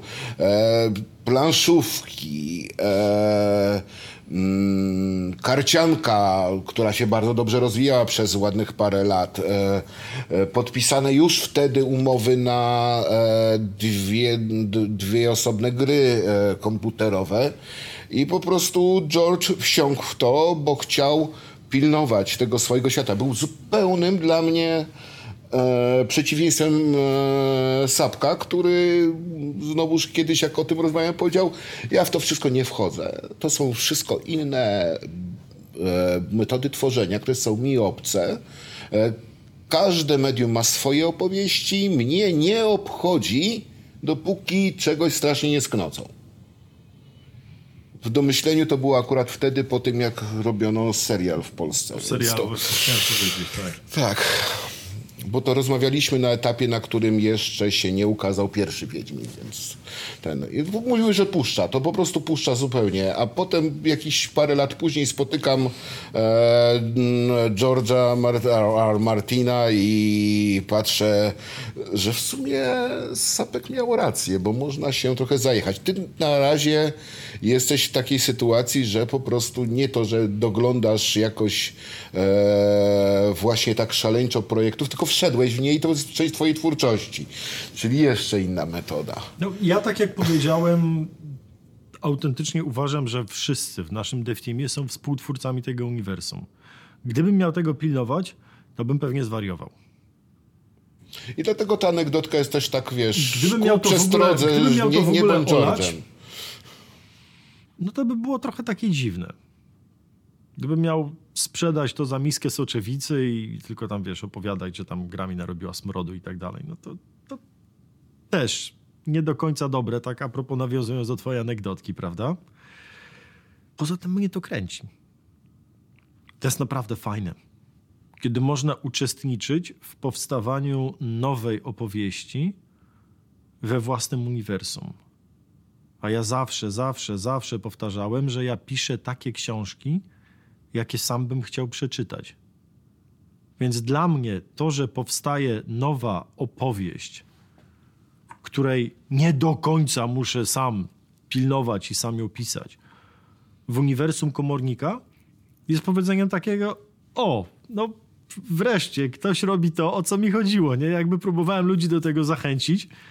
No i, i w końcu się udało i ktoś mi zrobi tę opowieść, którą chciałbym poznać, tę grę, w którą chciałbym zagrać. No może nie napisze mi tej książki, którą chciałbym przeczytać, bo to nadal będę musiał sam zrobić. Ale to jest taką dużą pętlą zwrotka do samego siebie potem. Nie potrafiłbym tego zostawić, bo to, to nadal są moje uniwersa i to są moje dzieci. No właśnie a propos uniwersów, no bo no Cyberpunk ma w zasadzie, kurczę, niemalże nieograniczone możliwości e, ekspansji. Tak. Ja, wiesz, nie chodzi tutaj już mi nawet o sam rozwój uniwersum, ale po prostu nawet jeżeli chodzi o formy, kurczę, od właśnie planszówki, RPG, karcianki, cokolwiek. Milion rzeczy można z tym zrobić, naprawdę. E, a co w przypadku komornika, bo sam mówiłeś, że po właśnie pierwszej trylogii w zasadzie była to rzecz, która, no okej, dobra, to jest skończone, no nie? Takie było założenie. Jest od, tak. E, wiesz, no jeżeli będą ta gra się oczywiście, wiesz, w tym momencie przyjmie i tak dalej, ludzie mogą chcieć więcej, więc w tym momencie będzie trzeba to jakoś rozwijać. Czy, czy jak tutaj właśnie widzisz potencjał, kurczę, czy, czy znowu liczysz na to, że wiesz, ktoś do, do, dozna Czy olśnienia? Po pierwsze, nie będziemy na nic czekać i nie mamy zamiaru sprawdzać ani wyników, ani osiągów, ani ocen na czymkolwiek Pracujemy innym. nad... No bo dalej. już w tej chwili, mówiąc to dzisiaj, czyli tak naprawdę na kanwie premiery Komornika Nieskruszonego, czyli naszej opowieści interaktywnej, rozpoczęliśmy z kopyta pracę nad czymś, co na tę chwilę roboczo nazywamy dużą grą komorniczą, która jest naszym projektem docelowym. Bo tak jak powiedziałem, Nieskruszony był rozgrzewką ta duża gra jest projektem docelowym i to jest coś, za co się bierzemy już teraz i co będziemy robić przez najbliższe prawdopodobnie dwa lata, niezależnie od wszystkiego. Niezależnie od tego, czy nieskruszony się przejmie, czy nie, czy załapie, czy nie, czy będzie na to wielki hype, czy nie będzie wielkiego hype'u, no bo taki sobie zrobiliśmy plan. Mam przez ciebie teraz problem. Dokonało się zwarcie synaps. Jak powiedziałeś gra komornicza, to wiesz, co teraz mi się tworzy w głowie. No, dawaj, dawaj, dawaj. Taki fajny symulator z zajmowaniem ciągników. A, to nie, to w tę stronę idziesz. Tak, to bardzo często się ludzie tak. Komornik i nie będzie to symulator. Natomiast komornik też aż się prosi o planszówkę. Bo z Krzysztofem Wolickim, z, który też działa w obydwu spółkach, poznaliśmy się właśnie poprzez e, plany zrobienia gdzieś tam kiedyś, lata temu, planszówki komorniczej. Bo on z kolei siedzi w Redimpie swoim, więc oni głównie zajmują się planszówkami i karciołkami. No i to aż się prosi, żeby tam coś pokombinować, żeby zrobić coś takiego, że można było ustawić na stole i wieczorem sobie gdzieś tam popykać, połazić sobie z rewersu do kantu, z kantu znowu na blask, odwiedzić cytadelę, coś takiego, ale to na spokojnie. Dojdziemy i do tego, ale po raz kolejny podkreślam, żadna z tych rzeczy, o których tu mówię, nie jest uwarunkowana niczym. To jest to, co i tak będziemy robić, bo tak sobie założyliśmy. Psy szczekają, karawana jedzie dalej, nie? Okej, czyli jeszcze przez jakiś czas będę ten. Zresztą, wiesz co, ja też tak myślę, że twoja niemożność stanięcia obok wynika też z tego, że ty po prostu jesteś graczem. Tak. Więc dla ciebie to było wejście w coś, co doskonale od drugiej strony, ale rozumiesz i Dla cię mnie, bawi. dla mnie komputery, kiedy myślę o najwcześniejszych wspomnieniach związanych z komputerami, to jest Timex 2048, na nim lecący Bomb Jack, Attic Attack, Słoń Benjamin, Leapfrog i oczywiście Space Invaders. Z drugiej strony jest ZX Spectrum. Na ZX Spectrum Tu szanuję leci, bardziej. leci Saboteur, leci Fairlight, eee, leci Nightlore. Co tam jeszcze było dobrego z ZX Spectrum z gierek? Boże, był ten kosmiczny, gdzie się latało i strzelało do tych takich śmiesznych kształtów w kosmosie. Już nie pamiętam, jak to No się tak, nazywało. tak. Matko Święta. No, Mamy pierwszy- wspólne zaćmienie w tym momencie. ja, słuchaj, pierwszą grę tekstową napisałem w wieku lat 10. Ja w tej chwili zataczam koło. Pisząc komornika nieskruszonego, wróciłem do podstaw tego, co mnie przyciągnęło do komputerów. Grę, grę tekstową napisałem po to, żeby dostać e, stację dysków do mojego Commodora C64. Żeby było weselej.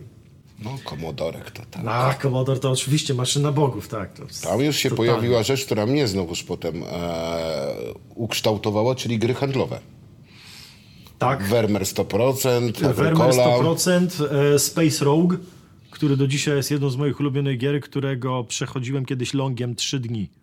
3 dni komputera nie gasiłem, aż w końcu mi się zawiesił bydlak. No bo nie dało się zrobić save'a w tych czasach, nie? A wychowałem się też na planszówkach. Do dzisiaj pamiętam z Nie pamiętam, kto to wypuszczał. W takich dużych plastikowych torbach były te gry. Encore. To Enkory wypuszczały.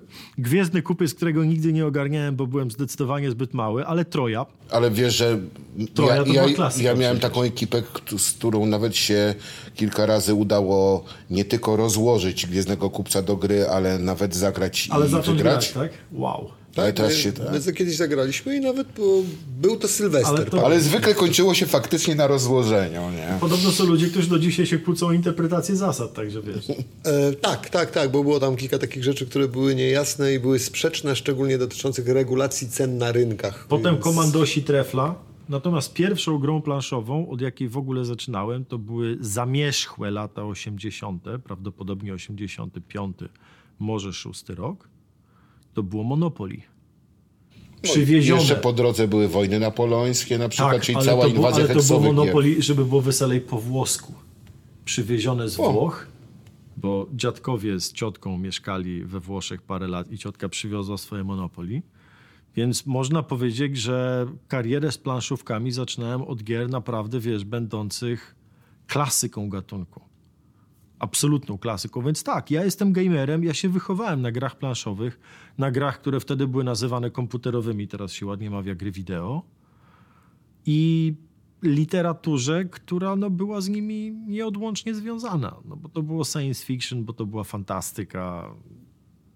Ja dzisiaj, pracując w tych dwóch spółkach nad tworzeniem gier wideo, tak naprawdę robię to, co robiłem całe życie, tylko z drugiej strony.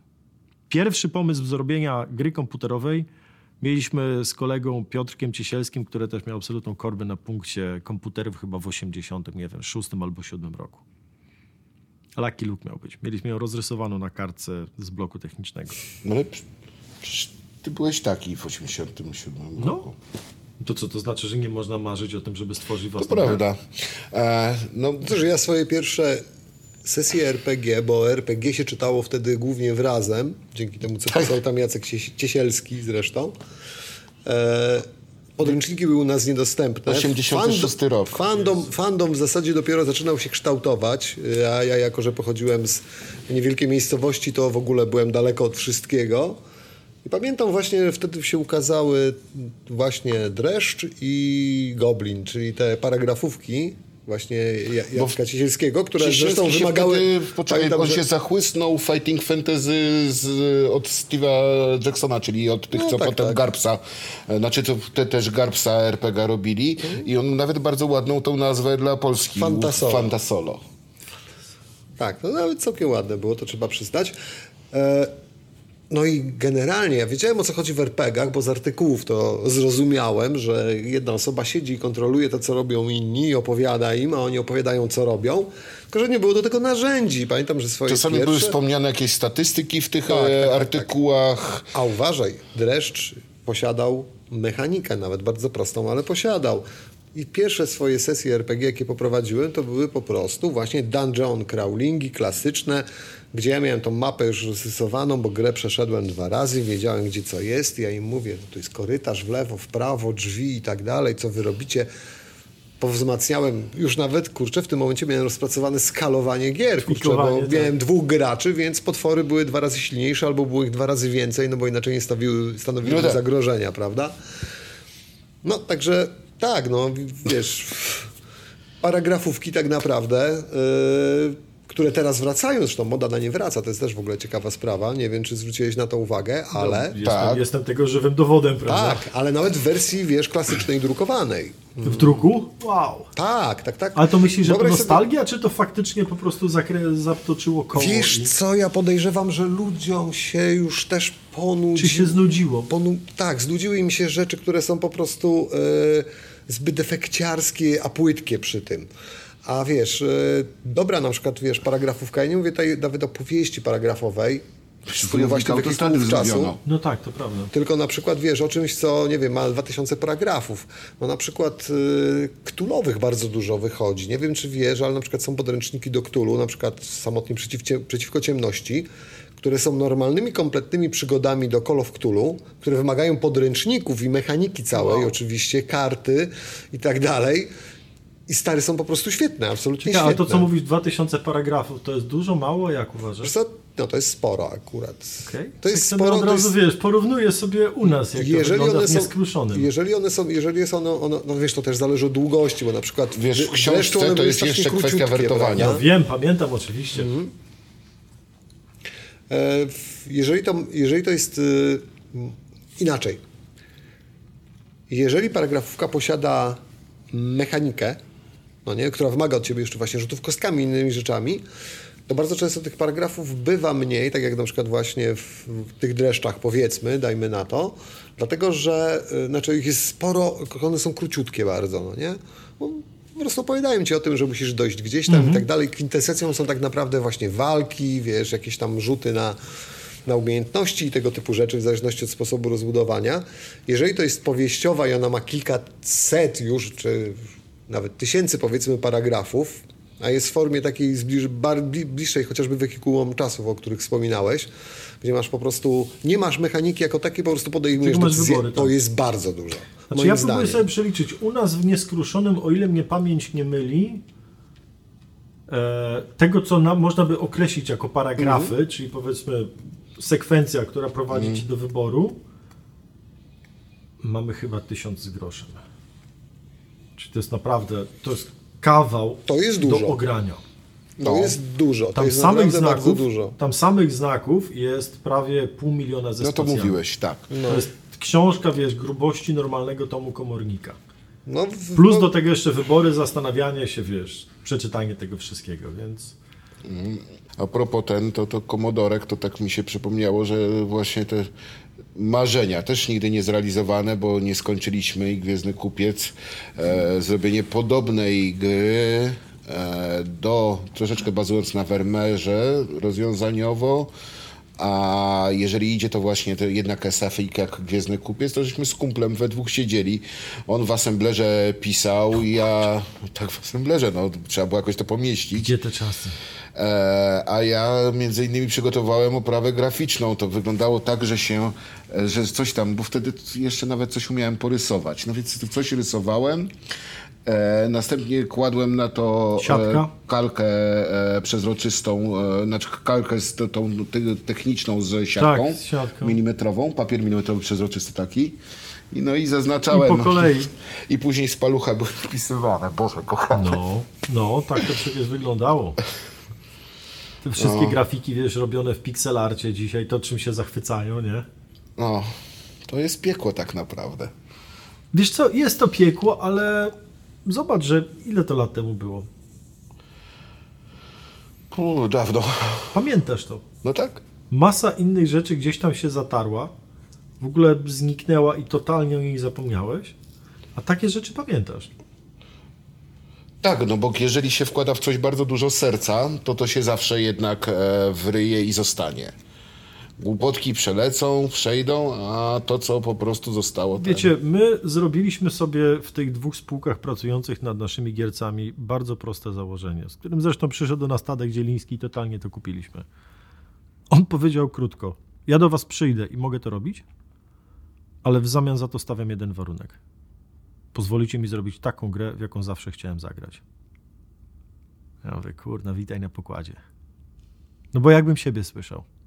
W momencie, w którym przychodzi człowiek z takim założeniem, no to trzeba go powitać z otwartymi ramionami. Więc to też jest kwestia tego, żeby to właśnie było prawdziwe, dokładnie to, o czym mówisz. I nie ma znaczenia, czy tę grę skończysz, czy jej nie skończysz, czy, czy ona odniesie sukces, nawet jak wyjdzie, czy tego sukcesu nie odniesie. Liczy się to, że wiesz, że coś stworzyłeś i włożyłeś w to serce. I teraz, nawet teraz, po latach, nie musisz się tego wstydzić. Amen. Na tym chyba tak naprawdę U polega droga jak- przez świat. Jak nie? u siebie, no po prostu. Gdybyśmy mieli klepać jakąś chałturę dla pieniędzy, no to potem rzeczywiście trzeba by to zamiatać pod dywan i udawać, że jakiegoś tam projektu nie zrobiliśmy, że jakiś tam film nigdy nie powstał, że czegoś tam nigdy nie było. Tak jak, nie wiem, LucasArts do dzisiaj próbuje zamieść pod dywan Star Wars Holiday Special. Nie oglądałeś tego. Ja przecież się popłakałem przed On, on nie oglądał. Widzę, że nie oglądał, bo nie zareagował. Czego? Nie widziałeś Star Wars Holiday Special. Widziałem. Widziałeś? Aha, czyli po prostu wyparcie, rozumiem. to ty tak. się popłakałeś, a on wyparł. Mysza jest twardy. Zresztą mnie się wydaje, że nawet kurczę razem to oglądaliśmy kiedyś. A oglądali się, ture, oglądali się tureckie Gwiezdne Wojny?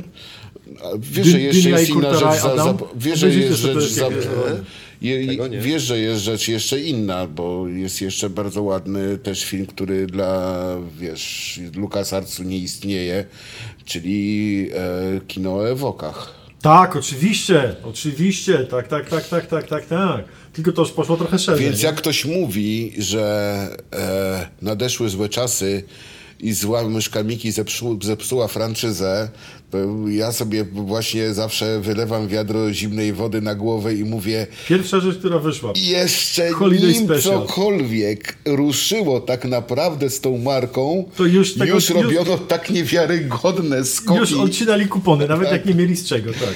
Tak. E, Dünya i Kurtaraj Adam, czyli tureckie Gwiezdne Wojny, to jest film z 1980 roku, gdzie ktoś Widziałem w Turcji plakaty. doszedł do wniosku, że byłoby fajnie nakręcić film tak jak Gwiezdne Wojny, ale w sumie to niespecjalnie mamy na to budżet, więc może weźmy footage z Gwiezdnych Wojen, potnijmy go na kawałki, wytnijmy co lepsze sceny, wpieprzmy w to wszystko muzykę z Indiana Jonesa i okraśmy to scenami naszych własnych tureckich aktorów.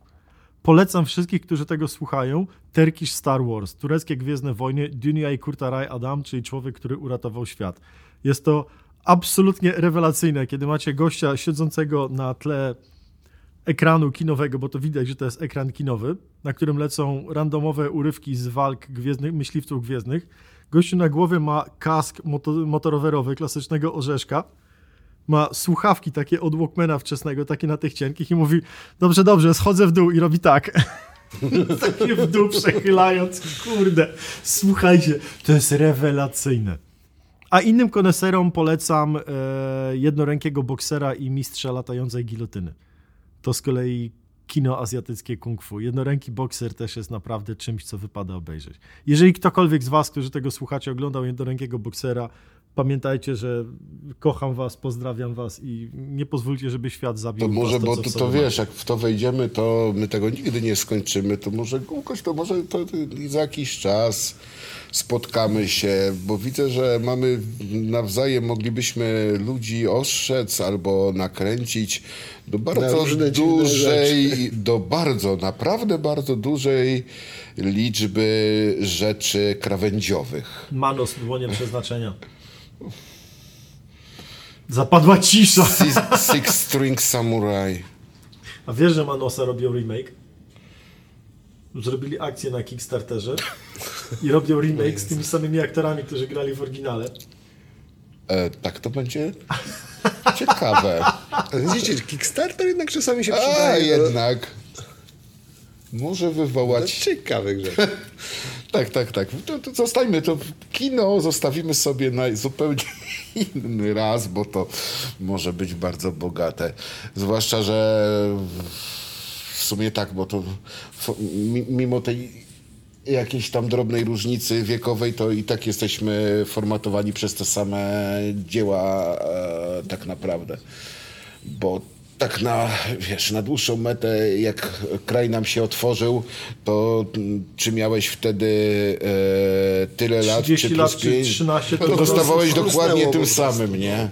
Pod tym samym prysznicem stałeś. Jakkolwiek by to oczywiście nie zabrzmiało. Tak, właśnie chciałem zaznaczyć. Bardzo ładny taki referenc zrobiłeś. E, Okej. Pogadaliśmy o grach, które robisz, pogadaliśmy o grach, tu- od których zacząłeś. E, siedzimy tu i gadamy już pewnie z półtorej godziny, patrząc na zegarek. E, jeszcze coś e, drążymy, panowie, czy powoli kończymy? To, drą, to drążenie jest nawiązaniem do tego stania pod prysznicem, o którym mówiłeś przed chwilą? A, górniku drąż głębiej. Się. Ale wam, ale wam rozjeżdżam tego podcasta o Matko Święta. Po prostu dwóch poważnych ludzi, dwóch dziennikarzy growych. Nie, nie, nie, nie. Przyszedł jeden taki gołkoś. nie słuchałeś, nie, Poważnych to po prostu nie słuchałeś nie. wcześniej naszych podcastów. My je sobie sami potrafimy rozjeżdżać, co więcej nie umiemy ich nie rozjechać, więc spokojnie. Bardzo, bardzo szanuję takie podejście. Bardzo rzadko, bardzo rzadko udawało nam się e, chociażby przez 15 minut utrzymać e, temat, e, który miał być głównym motywem Tak. A zazwyczaj. jaki tak. temat miał być głównym motywem dzisiaj? Przepraszam, bo Znaczy wiesz co, powiem ci tak, obecność gości zazwyczaj pomaga, bo pozwala się skupić na nich. A okej, dobrze, czyli no tak. Więc wiesz, w tym momencie zawsze gdzieś wrócimy, kurczę, do towarzysza Gołkowskiego, no bo się inaczej nie da. Trochę a tak wiesz, jak- a jak jesteśmy we dwóch, to... Trochę ale jak w tym Mis- Mystery Science? Theater, tak? Siedzi ten gościu z tymi robotami na stacji kosmicznej, kurna, i ogląda za karę złe filmy, prawda? Że regularnie musiałem mu wyliczać e, punkty karne za e, słowa niecenzuralne Tak. i inne rzeczy. Po rosyjsku to się ładnie nazywa leksyka nienormatywna. Bardzo mi się podoba to określenie. No widzisz. Tak, to, to ja wyliczałem to dokładnie jak w tym starym dowcipie. Raz. Więc tak. Tak. Więc nie, to nigdy nie był poważny podcast, spokojnie, nic się nie zmieniło. To znaczy nawet jak mieliśmy to jakiś... byliśmy nawet całkiem poważni moment przez większość czasu jakoś tak. Tak, tak. Myślę, dość, że to dość, właśnie kwestia tego, nawet. że nie siedzimy na dywanie na podłodze z mlekiem, tylko siedzimy sobie w studio, e, mogło wpłynąć na nas. No tak jakoś tak, szczególnie bez tego mleka, dziwnie. No tak, bez mleka dziwnie. W- Woda to jednak, Będzie trzeba się poprawić. to nie to samo. No, ale prawda taka, panowie, no ile można rozmawiać o rzeczach poważnych? No tym bardziej, że umówmy się, jako że przyszliśmy tu o grach, wracając do tego tematu, i Cyberpunk, i Komornik są uniwersami z gruntu rzeczy bardzo niepoważnymi. To satyra, tak. Jedno i drugie jest taką dawką śmieszkizmu, że bardziej się nie da. I nie wyobrażam sobie mówienia o tym na poważnie. Że tutaj tam dzieło pokazuje, tam porusza bardzo istotne tematy, prawda, odpowiadając na żywotne, Przemiana. społeczne, coś tam. Znaczy, to wszystko tam jest.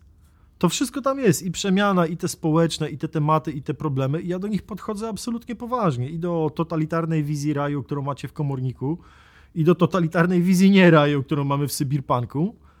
Ale to nie jest coś, czym trzeba odbiorcy epatować prosto w mordę. On to powinien sam znaleźć. Odbiorcy należy powiedzieć, tu masz taką śmieszną kreskóweczkę, możesz sobie ją pooglądać i będziesz się dobrze śmiać i dobrze się bawić, a potem się okazuje, że siedzisz na szreku, nie? tak.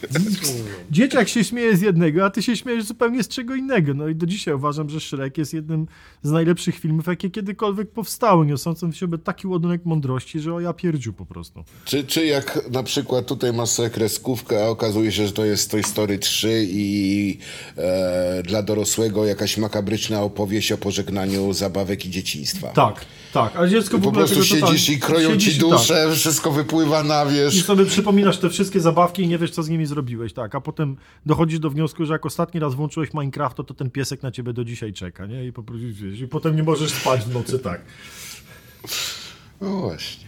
Forma lekka jest na pewno. Znaczy, fajnie, że istnieją rzeczy pomnikowe, ale znowuż na siłę głoszenie, robienie dookoła wszystkiego pomnikowości to jest taka rzecz. Ale to zawsze tak wyglądało, słuchaj. Naprawdę nam się wydaje, że te dzisiejsze czasy, że tam nie ma żadnych wiekopomnych dzieł, że nie dzieje się nic poważnego, to jest nieprawda.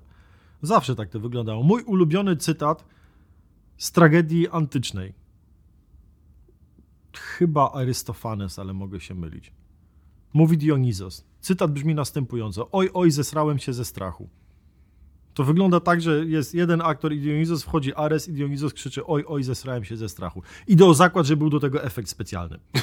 Na 100%. I publiczność po prostu spadała z ławek w amfiteatrze. Chciałbym zwrócić uwagę, że we wspomnianym już tak naprawdę w dzisiejszej naszej rozmowie Teatrze Globe e, wystawienie czegokolwiek e, bez tak zwanego numeru z psem było w zasadzie niemożliwe. Comic Relief, tak. Tego Numer z psem to oczywiście może dla słuchaczy. Chodzi o to, że w pewnym momencie, w, w, zwłaszcza jeżeli to jest moment ważny emocjonalnie i jest dużo napięcia, to ten zaawansowany szekspirowski comic relief polega na wypuszczeniu pieska o bardzo konkretnych upodobaniach, który dopada i po prostu gwałci nogę e, dowolnego aktora. jednego z aktorów, tak. I publiczność była wtedy absolutnie zadowolona. I... Zachwycona. To obowiązkowy punkt programu. autentycznie nic się nie zmieniło i tak samo nic się nie zmieniło w zakresie internetu, który w czasach greckich spełniała Agora i trollingu. No nie, zmieniło się dużo, to Nic znaczy nie skala się zmieniła. Nic się nie zmieniło. Kurde, pierwszy przykład trollingu, na jaki trafiłem w życiu. Książka pod tytułem e, Antyczni Olimpijczycy. Nie pamiętam za diabła nazwiska głównego aktora. Facet generalnie był obrzydliwie bogatym grubasem.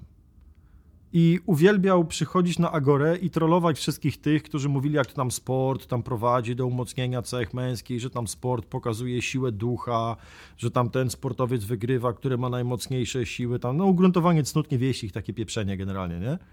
A on się wtedy pytał, no dobra, a to jak to jest w takim razie, że generalnie wygrywają w olimpiadach głównie te miasta, które mają od cholery siana, i jakoś nigdy nie widziałem, żeby jakaś tam zapyziała Megara dała radę wygrać w rzucie dyskiem. Nie wiecie dlaczego? Może dlatego, że ich nie stać nawet na dysk, żeby sobie ćwiczyli, nie? Czyli po prostu mówił, że chodzi wyłącznie o kasę. Tam oczywiście nie, hurdur, to chodzi wyłącznie o cnoty, tam to chodzi o ducha, że tam bogowie wspierają i tak dalej, i tak dalej. Co zrobił nasz bohater? Jako, że był obrzydliwie bogatym grubasem, to na następnej olimpiadzie wystawił trzy zaprzęgi konne. Trzy co wymagało po prostu jakiejś nieludzkiej kasy. To jest tak, jakbyś dzisiaj wystawił trzy jachty na, na regatach w Dubaju. Oczywiście najlepsze, ponieważ miał No bo bolidy kasy. F1, no. I te trzy zaprzęgi konne zgarnęły trzy wieńce dla zwycięzców, bo dojechały jako pierwszy, drugi i trzeci. A wtedy, żeby było weselej, było tak, że jak wygrywał zaprzęg konny, to nagrody nie otrzymywał zaprzęg. Nie otrzymywały konie. Nie otrzymywał jej woźnica zaprzęgu, tylko właściciel zaprzęgu. I gościu, będąc obrzydliwie bogatym grubasem, który ledwo był w stanie się poruszać o własnych siłach, takim baronem Harkonnenem starożytnej Grecji, dostał potrójny wieniec olimpijski za wygraną w olimpiadzie, stojąc koło tych wszystkich, wiesz, nasmarowanych oliwą na sterydach w ogóle, wiesz, ubermenszów, których rzekomo duchowość pozwalała zwyciężać w olimpiadzie. To jest piękne. To jest absolutnie No, to jest- przecudowne. Ale widzisz, mi się wydaje, że jednak skala się zmieniła i prawo do bycia idiotą się bardzo upowszechniło. E, to, to jest demokratyzacja, wiesz, bo też i demokracje jest dawniejsze, antyczne były nieco bardziej ograniczone, przypomnijmy. Znaczy, też miałeś prawo być idiotą, tylko byłeś wtedy idiotą, który mieszkał pod schodami i nie byłeś Harrym Potterem, żeby nie było No właśnie. E, A, propos t- trolli starożytnych, to ja zawsze uważam, że mm, to, to taki najpoważniejszy w konsekwencjach trolling polityczny, no to jest Katon Starszy, który na każde, ka- każde przemówienie kończył wiadomo jak. Tak. Jakkolwiek trudno powiedzieć, czy był to, czy był to trolling, czy to był to po prostu wyraz zacietrzewienia. E, mam wrażenie, że, że prze, przebieg tego, żeby każde... Sp- Ale to był prostu- generalnie tak, taki tak? Brown, który wychodzi i Tak. mówił szczęść Boże, nie? Tak, Tak, tak, tak, tak, tak, tak, tak. Będziecie wisieć, tak. W Kartaginie. Kartagina będzie wisieć. Tak, więc tak, no trolling jest starym zjawiskiem, tylko jednak ja bym nie, nie doceniał e, wpływu e, dostępu do agory każdego. Widzisz, w Polis było tak, że po pierwsze obywatelem nie był każdy. O, to mało kto był obywatelem. Tak. Po drugie, na agorę z jakichś zakamarków ziem e, polis, z jakichś wiosek się nie docierało. Tak Bo nie- więc nie możliwość, wtedy. możliwość zostania publicznie idiotą na własne życzenie ograniczała się do osób, e, które miały prawo na tą agorę wejść, a następnie do osób, które miały ochotę się na tą agorę poturlać. Czyli do tych, którzy byli idiotami spektakularnymi generalnie, Tak. wybitnymi. A jeżeli idzie o internet, nie musimy się nigdzie turlać. E, rozwój telekomów sprawił, że faktycznie internet e, można mieć e, dowolnie wszędzie. Czyli nastąpił wybuch niesamowitych uprawnień dla idiotów, którzy po prostu mogą teraz z dowolnego miejsca w dowolny sposób e, zabrylować w sieci. Więc nie, Michał. To, to, No dobra, w tym względzie masz rację, okej, tak. Gdzie są, gdzie są śniegi dnia minionego? Kiedyś było lepiej. prawda? Tak. Tym optymistycznym akcentem, tak? Myślę, że możemy tym optymistycznym akcentem skończyć, bo Podziadowanie, nie będzie, tak, tak, takim Zaczniemy ciężkim dziadem na koniec. jak to Zaczęli- dobrze było w tej starożytnej Grecji. kurde. Zaczęli chłopaki od tego, że ho, ho, tutaj gierki powstają, Bo a my na tacy młodzi koniec jesteśmy. Mi, mi, Koniec, Agora, tak. Tak, na razie Żarty żartami, na razie jest cisza, e, jeszcze chyba w tej kwestii, bo nie wiem, czy, czy, czy może coś się działo. A ja tylko czekam, aż ktoś gdzieś zauważy komornika, szczególnie grę pewnie, no bo kto teraz książki czyta, kurczę, gry są popularne i modne i robią młodzieży sieczkę z głów i pojawią się jakieś teksty czy artykuły Chodzi ci o, o to, kiedy Gołkoś o będzie miał, kiedy Gołkoś tak. będzie miał kampanię reklamową na frondelku. No, no, no, no, Pragnąłbym, no. pragnąłbym z dumą zauważyć, że Fronda już o nas napisała jeszcze po pierwszym komorniku. Tak? No. Przegapiłem. Ale, Tak, ale to książce. O książce. książce. O książce. Na razie Ale napisało tak, i książce to Fronda. zaginęło, a i tylko Tak, że ja jestem tam generalnie e, jakimś tam lewakiem, który jest jednocześnie kryptonazistą, który tam chce ośmieszyć Pana Boga i jego aniołów, a w ogóle to tam nie warto kupować tego bluźnierczego krwawego gniota. Bluźnierczy krwawy gniot. To jest po prostu... Piękne. To jest tak piękna laurka. Ja Nikt bym mi w życiu nie zrobił na- tyle Znaczy masz to oprawione, te zdanie na ścianie Wiesz co, ja na szczęście zrobiłem z tego e, screeny, bo niestety Fronda ostatnio zdjęła ten artykuł. No, ale chodzi mi o to, że to powinno na ścianie Ale tak, wisieć. trzeba będzie wrzucić na ścianie i z przyczyn, których do dzisiaj nie rozumiem, pierwszy tom komornika był objęty patronatem TVP w 2015 roku. Co To prawda. do dzisiaj mnie bawi generalnie i nie wiem, czy było to przyczyną czy skutkiem tego, że ktoś Znaczy, stracił pracę. Słuchaj, e, ja pamiętam, że jak e, miałeś e, spotkanie e, z okazji premiery Komornika, to właśnie chyba połowa e- ekipy, która przyszła na, na premierę książki, patrzyła na ten logotyp. Tak, tak, Co? tak. Co to, w ogóle, co to w ogóle jest, nie? Ja nie wiem, jak to się stało, ale to był ten moment, kiedy była zmiana władzy generalnie i przypuszczam, że albo ktoś odchodził z pracy i na dobra, bujajcie się z tym. I kliknął Enter, albo ktoś przyszedł pierwszy dzień i powiedział, ojej, dostałem takiego maila, no to chyba musimy na to odpowiedzieć. I też kliknął. W sumie też możliwe, że fabryka mając e, w swojej stajni trochę autorów lubianych e, w kręgach e, tychże, po prostu e, poszło z rozpędu i tam ci nie sprawdzili, Nie że to wiem. akurat jesteś, że ty jesteś czarną owcą w tej stajni, a nawet nie koniem. Mo- Mogło tak być, no ewentualnie ktoś po prostu przeczytał co trzecie słowo, koniec świata, apokalipsa, o jak O, Świętym. tak, Biblia nie tam. No. Pan Bóg, tak. tak. generalnie. Jedziemy. Wiesz co, ja czekam na to. Ja czekam na to, żeby nas e, gdzieś tam wyczytali, zambony wykleli, żeby tam pogasili świecę i przybili tam komornika gwoździem do drzwi jakiejś katedry. To by było fajne, bo poczułbym się wtedy trochę jak Marquis de Sade. Powiedziałbym, że miałem rację.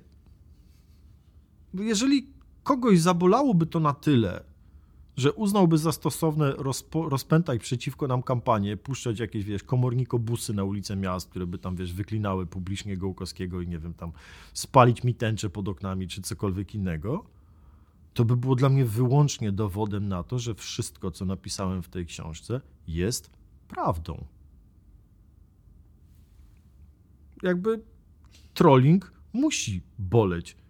Jeżeli boli, To znaczy, że był boli, celny. to znaczy, że był celny. No jak to ładnie powiedział mój znajomy oligarcha, jak boli, to znaczy, że prawda. No już skończcie z tymi prysznicami. No, To, to ty, ty, ty teraz wszedłeś pod prysznic, mysza. tak? No, na własne życzenie. Cholera. Mówię, czekam. Ale ręce czekam, swobodne. kiedy, Ruki swobodne. czekam, kiedy na komornika coś Tak, będą kiedyś próbowali coś, coś się ten, tak. Znaczy, ruskiego agenta już ze mnie próbowali, znaczy nie, przepraszam, próbowali ze mnie zrobić agenta. Nie wiadomo, czy ruskiego. W sensie nie wiadomo, czy jego jakby. Po Moskalu? Yy, Nie, bo na wysokości Sybirpanka. Aha. Nie jest łatwo jakby trafić do polityki, żeby wiesz, zrobiła ci artykuł o Sybirpanku. Udało się, no czekamy na coś z komornika. Dobra, to tego co ci życzymy. I naprawdę chłopaki, kończmy te flaszki. No przepraszam, żaden ten, tylko ten. Mamy już w zasadzie na pewno półtorej godziny, a myślę, że godzinę 45. Jeżeli ktoś do tej pory dotrwał, gratulujemy, pozdrawiamy. Współczujemy tego, że pozwoliliście nam zmarnować dwie godziny waszego czasu, którego nikt wam nigdy nie zwróci.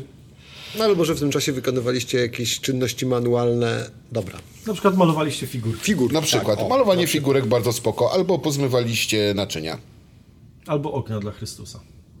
Nie ma, znaczy, nie wiemy, kiedy go będą słuchać, więc może akurat rzeczywiście będzie Jest, bliżej powinni się słuchać codziennie, co najmniej trzy razy. Ale okna się myje. dużą ilością wody. Ale okna się myje dwa razy w A roku. to zależy, jakie kto ma, wiesz, e, kompulsywne. No tak. No, tak. Psychoza, natręt, te sprawy. Zdecydowanie skończyliśmy. Tak, koniec. Kończymy. Do następnego spotkania, Dzięki nie wiemy wielkie. kiedy. No, na razie. Trzymajcie trzymajcie się. Hej.